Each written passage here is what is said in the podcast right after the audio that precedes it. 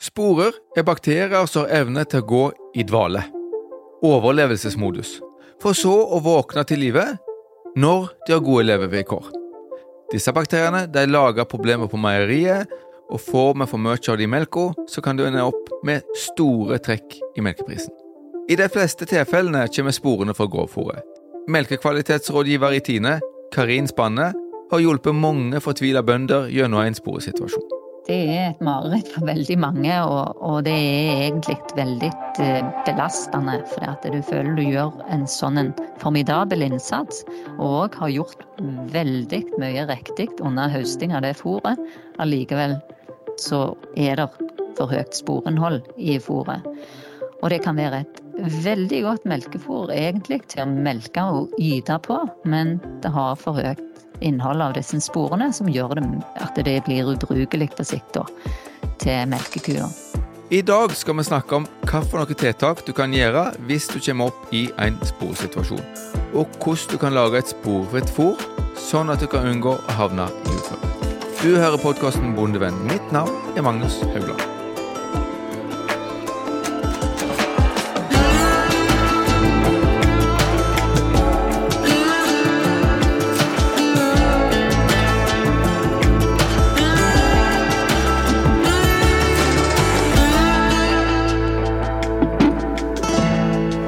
Podkasten Bondevenn blir presentert i samarbeid med Sparebank1 SR-Bank og Tveit Regnskap. Vi bidrar til at bonden lykkes. Spore kan gjøre hvem som helst fortvila. For noen så føles det ut som lotto om du får utslag på sporet i melka eller ikke.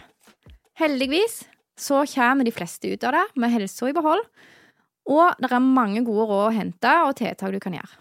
Dette er Ingvild Utteberg Nesheim. Det fins både arobe og anarobe sporer, og det er ulike bakterier. Nå er jo sporene en bakterie, og som lever naturlig i jord og vann, og vi ville funnet den hvis vi tok en prøve ute av jorda eller en sølepytt.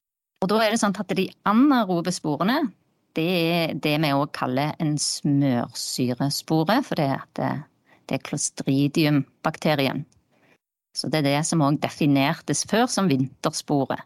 De aerobe sporene, det er de såkalte sommersporene som vi hadde som tidligere benevning, og det er bacillus, spesielt bakterien. Og eh, de heter da anarobe fordi at de lever uten luft, altså de formerer seg når det er lufttett, og arobe fordi de starter formering og deling når det er luft til stede. De arobe sporene er altså forbundet med beiting, for det er da øker sjansen for at du får moll og jord på klauene som kan dra med seg disse bakteriene inn i fjoset. Mens de anaerobe skyldes forurensning i fôret. Så er det sånn at disse overlever, altså bakterien kapsler seg i en spore, det er derfor vi har navnet, for å overleve der det er ugunstig for han. Sånn at da vil han tåle pasteurisering, frysing, tørking. Han tåler egentlig kjemikaliene vi prøver, eller vaskemidlene. Og så blir han eh, en normalbakterie når han kommer under forhold som gjør at han kan dele seg. Altså når han kommer kanskje igjen i de anaerobe sporene, når de ligger da på lagring i en ost, som Jarlsberg eksempel, så vil han starte deling, og da får vi en feil hullsetting i osten. Eh, tilsvarende så vil den aerobe den vil være et problem i vanlig søtmelk og i fløte og sånt. Altså han søtkoagulerer produktene, sånn at vi får egentlig tjukk melk uten at du blir sur. Så um, derfor er han uønska inn på konsumanleggene, den aerobe. Mens den anaerobe den er veldig uønska inne på osteanleggene. De som har drevet lenge med melk, har nok fått med seg at det har vært en skjerping av regelverket rundt sporer i melka. Ja, det er jo mange år siden nå, men på et tidspunkt så ble det ulovlig å tilsette nitritt i osteproduksjonen. Og nitritt er bakteriedrepende og kunne ta livet av sporene under osteproduksjonen. Men nitritt det er òg kreftframkallende, og derfor vil vi ikke ha det i maten vår. Så da ble det strengere krav til lågt sporinnhold i melk, og det regelverket det kan være rimelig forvirrende. Regelverket for sporer er egentlig et lite eventyr, for der er det mye regler og mye tilleggs, tilleggsregler som skal være gjeldende for at en prøve er tellende eller ikke. Men nå er det sånn at du som produsent får analyse av melka når det gjelder sporet, og da får du et resultat som enten er ingen, lågt, middels eller høyt.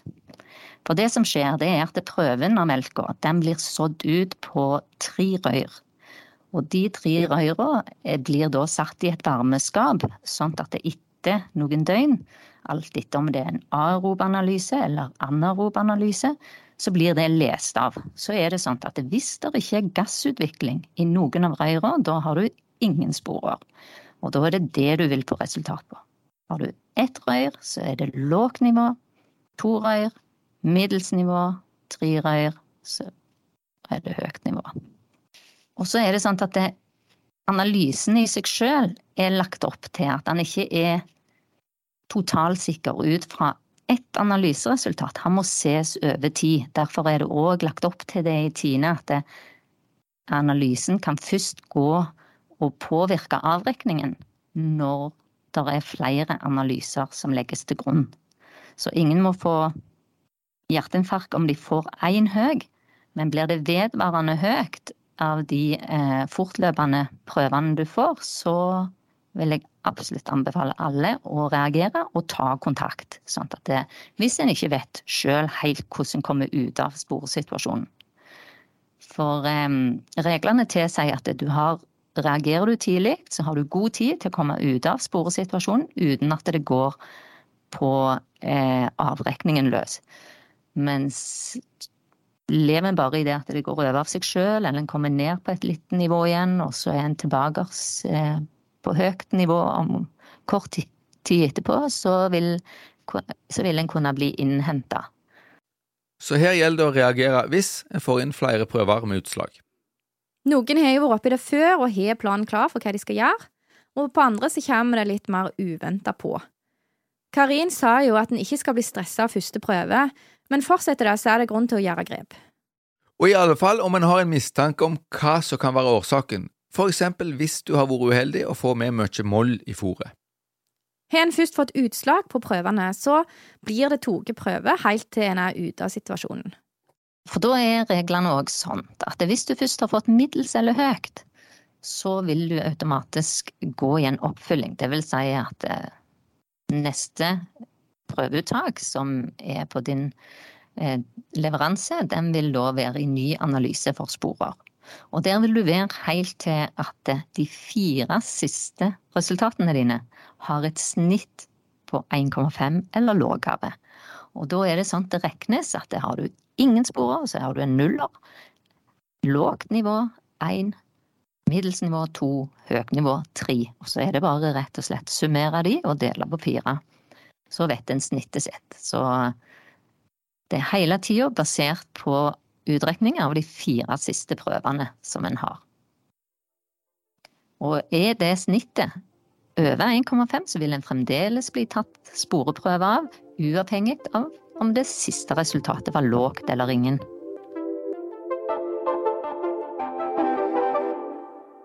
Får en utslag på de aerobe sporene, så skyldes det som oftest at det kommer jord og moll på juret som ikke er blitt vaska skikkelig før melking. De aerobe sporene kan vi òg finne i belegg i tank eller røyro i melkeanlegget. Altså de aerobe sporene, det som før ble kalt sommersporer, de ser vi hele året det òg, men eh, ikke i så stor grad.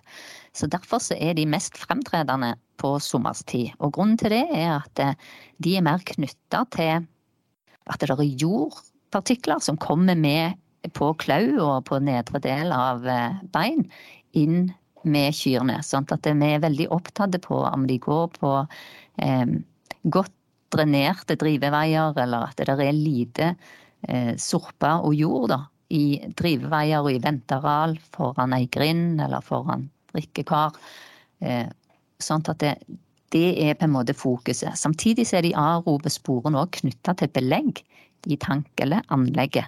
Så en første regel når det gjelder aerobe sporer, hvis en er høyt for det, så tar en et litt sånn kritisk blikk på hvordan er det der dyra går ut og inn i, på beite, hvis de beiter, eller så kjører en på med kraft, en kraftig vask på tank og anlegg.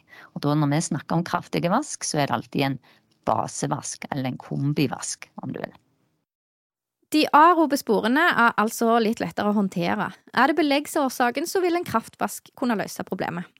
Og hvis det er sorper på beite og på gangveier, så kan en jo holde dyra inne til det har tørka litt opp, eller gjøre forbedringer med drenering og grusing, sånn at det blir rensligere. De anarobe sporene kan være verre å hanskes med. De anarobe har vi høyt for dem, så vet vi at det, det er sporer i fôret. Sånn at når vi har høyt innhold av anarobe sporer i melk, da vil det være høyt innhold av anarobe sporer i fôret. Og så går dette gjennom dyret, sånn at melka i juret er alltid sporefri så lenge hun er i juret. Men hun får da sporene tilført eh, på ytre spenehud og under melking, sånn at det, det blir overført til, til tank eller til melka. Så Fôret går bare gjennom dyret, blir til gjødsel. Gjødsel fester seg på bakbein og på klau, og bakbein og klau trekkes opp under juret når hun legger seg. Så derfor så er fokuset er, når det gjelder anarobe, det er renhold der i det materialet som spenen er i kontakt med, altså i oss, og i, vi ser ha et kritisk blikk, gå rundt dyret og se på nedre del av bakbein. Så når du først har fått problemet inn i fjosen, handler det mye om hygiene. Det gjelder liksom å vaske seg ut av det. Og det kan være en oppvekker for å skjerpe rutinene på renhold. Det vi ser etter, da, altså hvis vi er ute i en besetning fordi det er sporproblem i melk, så, så, går vi rett inn og ser over nedre del av bakbein på flokken. Og hvis den er relativt eh, dekka med gjødsel, så, det, så, må vi gjøre noe med der dyret beveger seg. Sånn det, for det er om å gjøre at du ser hårlaget ned til kodeleddet og til overgang til klau. Spesielt på innsida av bakbeina. Så det er mye der det vil overføres til spenehud. Samtidig som sengen òg selvsagt må holdes så tørre som mulig, og så rene som mulig. Og grunnen til det er fordi alle bakterier liker fuktighet og varme, og så der det er senger som på en måte får både gjødsel og kanskje dråper med melk og ei varm ku oppå seg, så er det gode forhold under der til å drive en deling. Det er det egentlig for andre typer uønska bakterier òg, men òg eh, for sporebakteriene. Godt renhold på gulvet er altså også viktig for å ha så rene klauer som mulig. Alt dreier seg om hvorvidt vi klarer å rengjøre spenen før melking. Så derfor så er det innstillinger en kan gjøre på robotene. Det er produkter en kan bruke for å hjelpe til med rengjøring eh, på spenet. Det er mm, ekstra eh, tips og råd en kan gjøre i forhold til rengjøring av gangareal, venteareal, liggebåser. Vi er opptatt med bruk av rikeslikt med strø. Det er ikke fordi strø i seg sjøl demper sporene, men det er fordi at dess mer strø, dess lettere er det egentlig for at ren gjødsel ikke fester seg på spenehud. Og dermed er det lettere, for roboten gjør en god jobb, enten med børstene eller vaskekopp, når hun skal til melking. I et båsjø er det litt langt lettere. Der kan en liksom eh, sitte og vri og, og vaske på spenen til så lenge en, en finner det nødvendig, og, og, at en ser med det visuelle at det er rent, rett og slett. Sånn at en får fjerna absolutt alt. I Båsfjos har det tidligere vært gitt råd om å fôre etter melkinga for å unngå at sporer for grovfòret virvler seg opp i lufta rett før du skal i gang med å melke. Ja, siden sporene kommer i melka via lufta, og ikke gjennom dyret, så kan det være et tiltak. Men når du driver med robot, så har du jo ikke den muligheten, for kyrne går jo og melker seg hele dagen. Men det hjelper fortsatt å være nøye med fôrhygienen.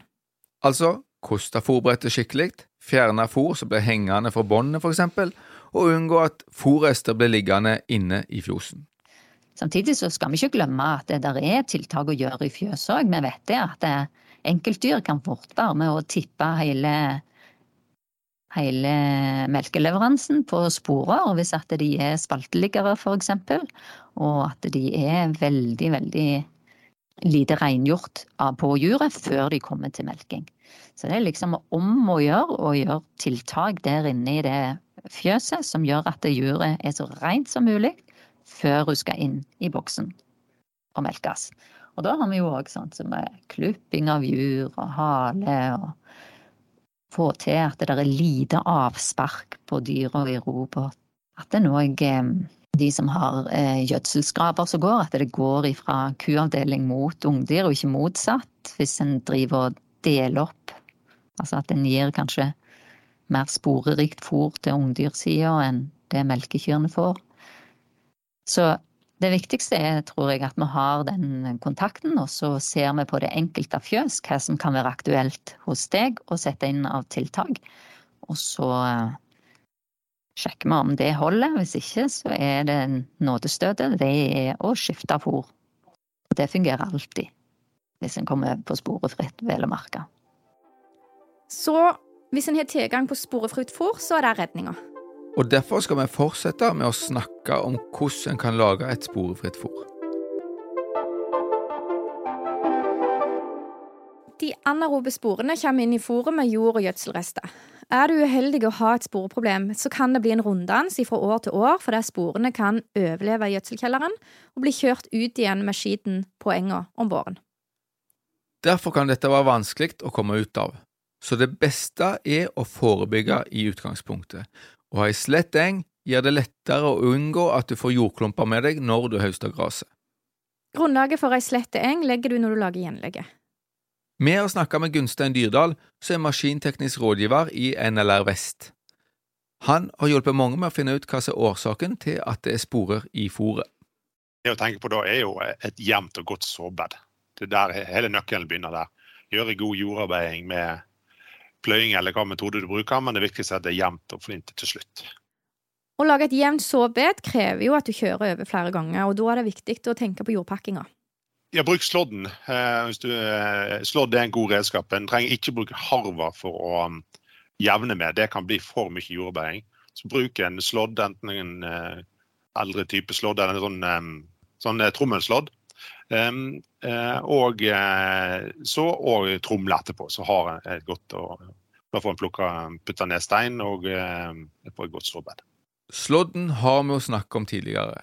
Og vil du ha en oppfrisking om hvordan du lager gjenlegg, så kan du høre på episoden vår som heter Engdyrking for dummies. En ting som har vist seg å være årsak til spor i fôret, er faktisk stripesprayeren. Og den som vi er så glad i! Ja, vi elsker jo stripesprayeren. Men jeg tenker jo at hvis vi bruker den rett, så er det fortsatt det som er best. Stripespraying er jo en uh, veldig fin metode å få ut uh, husdyrgjødsla på. Men pass på at det er utblanda for uh, så mye som mulig. Så for det vi ser er at det ligger igjen en del striper, og spesielt til andre slått. Så har vi sett at de stripene legger seg opp og gjerne rester, av fòrrester som ikke er blitt plukket opp i første slått. Og når de da blir med inn i ballen til andre slått, så kan du ha et problem. Så nøkkelen er nok vann. Unngå at stripene blir liggende som pølser oppå gresset. Og det er jo det samme som anbefaler for å få best mulig utnyttelse av husdyrgjødsla. Tynn gjødsel som renner utover og kommer seg raskt ned i jorda. Au kjøring under gunstige forhold, altså litt duskregn etterpå, der vasker jo gresset rent, og vi reduserer faren for gjødselinnblanding i fôret. Og selvsagt lurt å få ut skiten tidlig om våren, og så fort som mulig etter slått.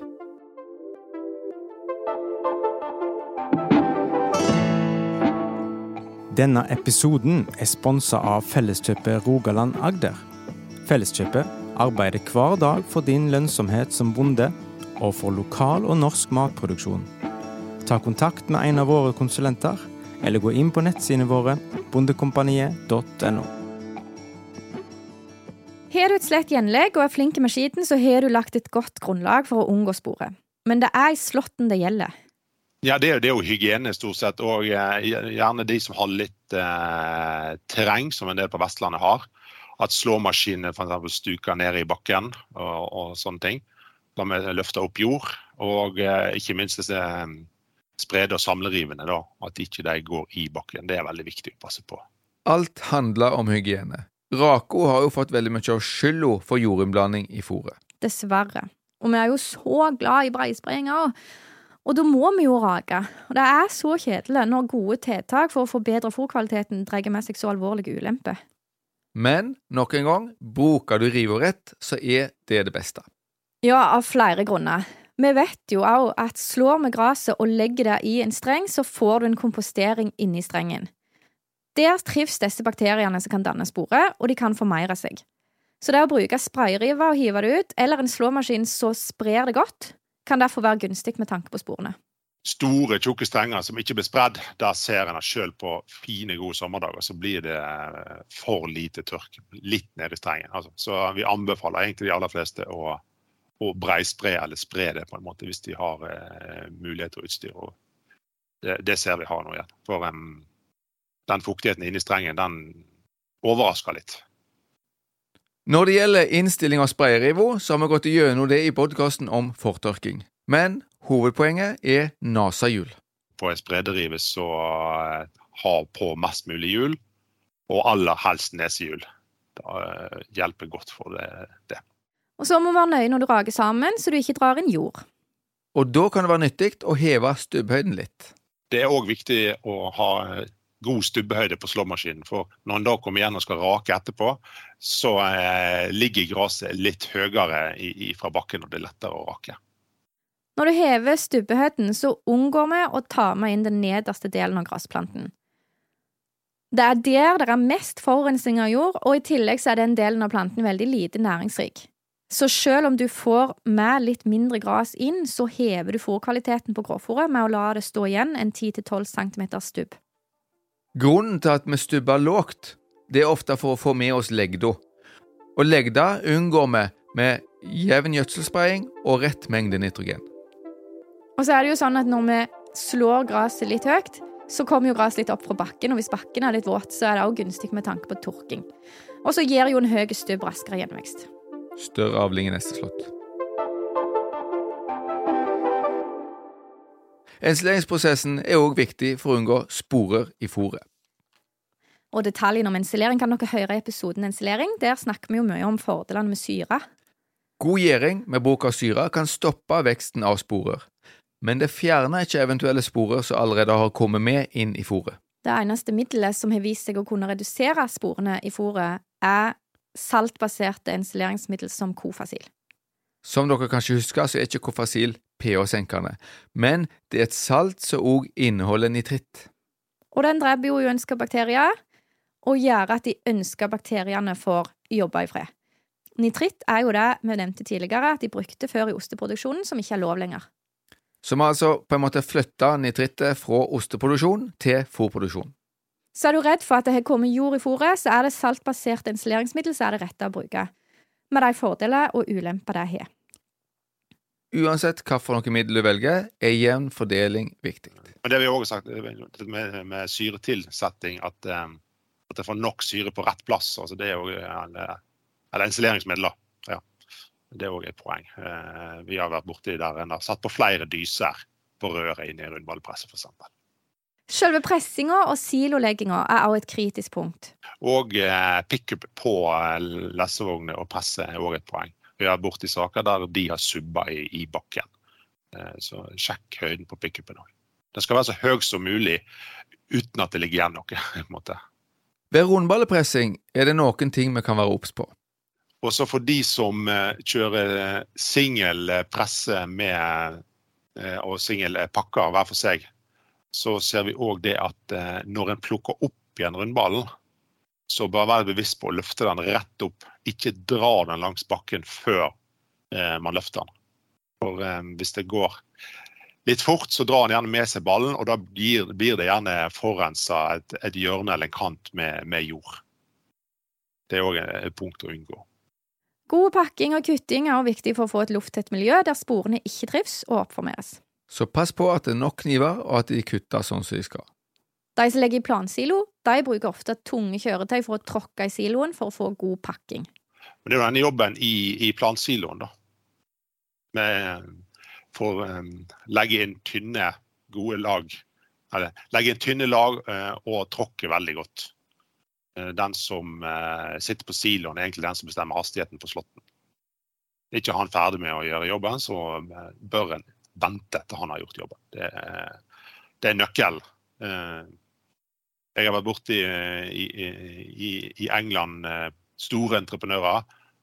Og da er det gjerne entreprenøren eller eieren sjøl som sitter på silo, For det er den viktigste jobben. Det er der han leverer fra seg den beste kvaliteten. Altså sikrer den beste kvaliteten. Og det er en, eh, en veldig viktig jobb, altså. Det, det, det ser vi at det går kanskje litt fort med noen til tider. Og så er hygienen rundt siloen veldig viktig. Eh, Det, det er viktig at en har det renslig foran eh, siloene sine. Men helst eh, støpt eller asfaltert, eller iallfall eh, ren grus. For eh, skitne hjul bør ikke opp i siloen. Og vil du vite mer om hvordan du legger en god plansilo, så kommer det snart en egen episode om akkurat det. Men en ting som jeg også kan nevne her, det er at fullforblanderen kan i grunnen gi en eksplosjon av sporet. For hvis det er en liten klump med gress der det har vært en oppblomstring av sporet, f.eks. hvis det har kommet til luft eller et eller annet, så selv om det er lite totalt sett i siloen, og det er en klump med veldig mye i, og den havner i mikseren, så kan du fordele dette i hele blandingen, og den blir stående da, så blir det en boom.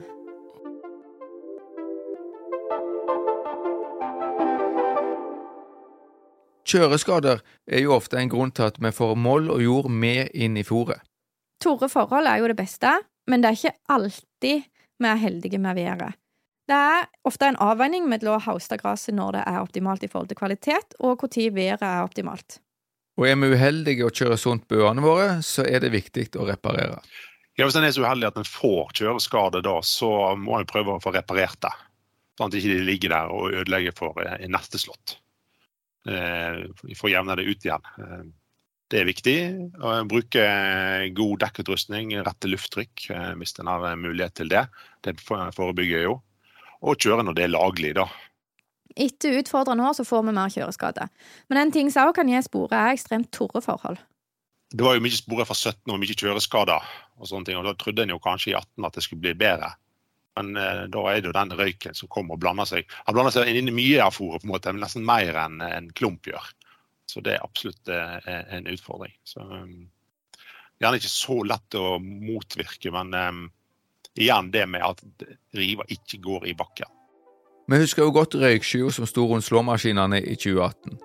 Det fordeler jo jord i hele massen med gress og gjør det ekstremt utfordrende å unngå sporer. Fordelen når det er tort, er at det er lettere å få gresset tort òg. Og da ligger dette stilt, altså sporene oppformerer seg ikke. Men de er der, og de kan komme ifra fòrstøvet over på juret når du fôrer. Det er altså utfordrende å unngå sporer både i våte og tore år, og en kan fort være uheldige. Da kan det være godt å vite hva baller og siloer som er forurensa og som kan gi problem, og hva som er rent. Karin anbefaler sterkt å ta ut hygienisk analyse av fôret. Uansett hvordan gjør dette her med, med fôret, så er vårt klare råd det er å ta en fôranalyse med hygienisk analyse. Enten del, du kan krysse av òg direkte for smørsyreanalyse, eller smørsyresporanalyse. Og, og grunnen til mm, at vi anbefaler det, det er fordi at da vet en i mye større grad, for det er ikke alltid bare hvis en kommer opp i det, det er litt sånn når en kommer opp i sporeproblematikken.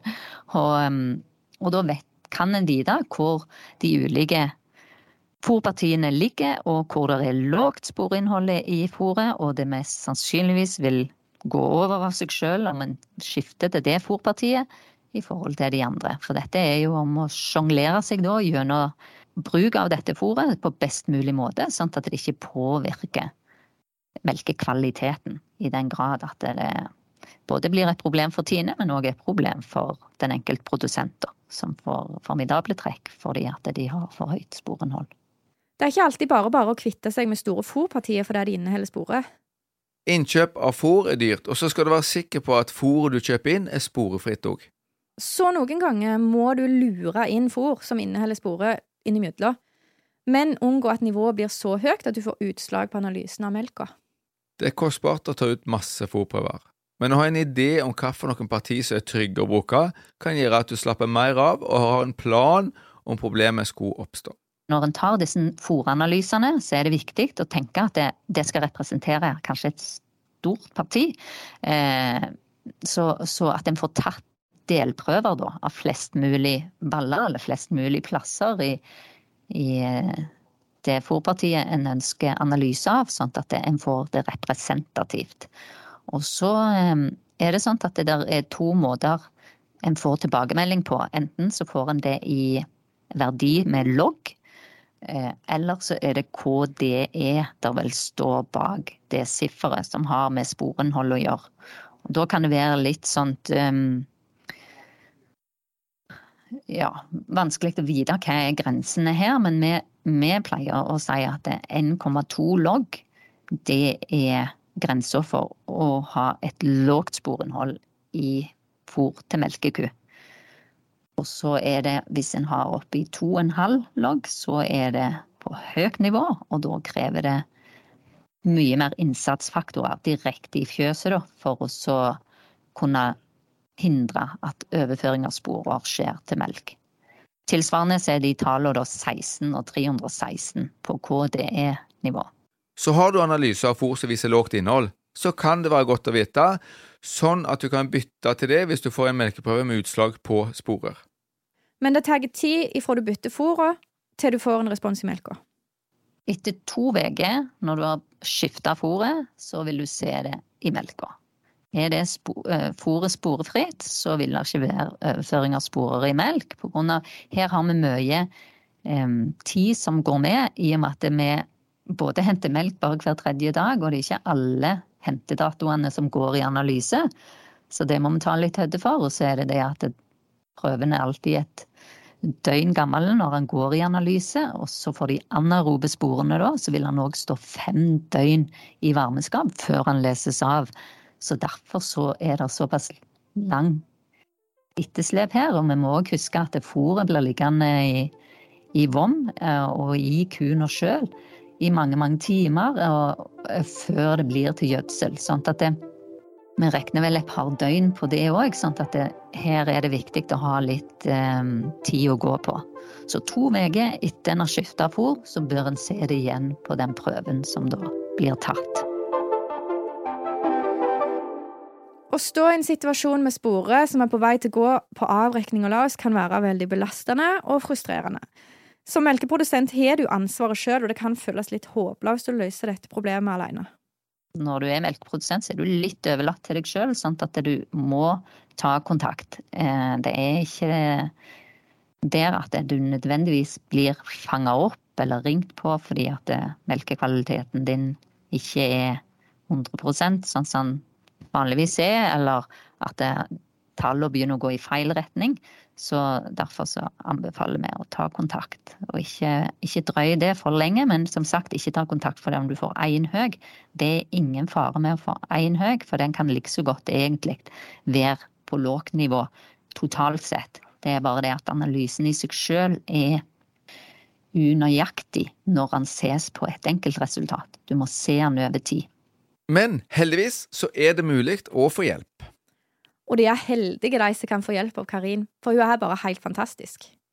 Den avdelingen i Tine som heter Melkekvalitet og service, som òg omhandler teknisk hjelp for gardstank, det er, det er dekt av fellesskapet. Sånn at det, hvis vi er i eh, utrykning når det gjelder kvalitetsproblemer som er knytta til sporer, f.eks., så er det ikke noe som blir belasta den enkelte produsent. Og Norsk landbruksrådgivning har òg et opplegg for å hjelpe å finne ut hvor det går galt i fôrproduksjonen. Da har vi utvikla ei, ei, sjekkliste på alle mulige tenkelige ting som kan være. Og Da tar jeg den med meg ut, og så reiser jeg ut når slåtten foregår. Eh, ser på alt fra antall lag plast, forstrekk på filmen, eh, dette vi snakket om med pickup eh, i bakken, river er egentlig med på hele prosessen for å se om det er noe som bonden sjøl overser. Da. Eh, det har vi lykkes litt med å, finne ting. Da. Eh, og spesielt dette. Og så har jeg også vært med på når de kjører med slepeslange og sånne ting, og sett hvordan det er. Så, det er rett og slett en, en, en ganske grundig gjennomgang. Og vi har med mikrobølgeovn i, i, i, bilen og tar, eh, stoffprøver mens vi er der og holder på. Liksom, ja. Vi prøver egentlig å passe på alle baser. og Den lista med punkt er, den er ganske lang. Jeg tror det er 30-40 punkt på den lista. Så ikke mist motet. Litt depressivt kanskje, men en lærer masse underveis og kan komme seg helskinna ut på andre sida. Men nå er det på tide å oppsummere. Spore er bakterier som går i dvale og kan lage problemer i både osteproduksjon og konsummelk. Sporene kommer inn i melka via juret, ikke gjennom dyret, så hygiene rundt melking er den aller viktigste faktoren i fjoset for å unngå spor i melk. De anaerobe sporene de kommer fra forurensning i grovfòret. Så for å lage et sporefritt fôr, så må du passe på å lage et slett gjenlegg, kjøre på tynn husdyrgjødsel, stubbe høyt, unngå tørking streng, men still inn riva og raga rett. Hygiene rundt pakking og silolegging er også viktig. Kartlegg fôret ditt, og sørg for å ha noe sporefritt som du kan bytte til hvis det skjærer seg. Og ikke mist motet. Søk hjelp i tide. Du har hørt på podkasten Bondevennen. Mitt navn er Ingvild Lutebergen Hesheim. Når jeg ikke lager podkast, er jeg rektor ved Vinterlandbruksskolen i Ryfylke. Og mitt navn er Magnus Haugland. Jeg er lærer ved Vinterlandbruksskolen og rådgiver i Norsk landbruksrådgivning Rogaland. Liker du podkasten vår og syns at vi skal fortsette å lage podkast? Da kan du lagre oss på Spotify og dele episoden med andre. Denne episoden er spilt inn i ABC Studio i Etne. Lyd ved Stig Morten Sørheim. Takk for at du hørte på.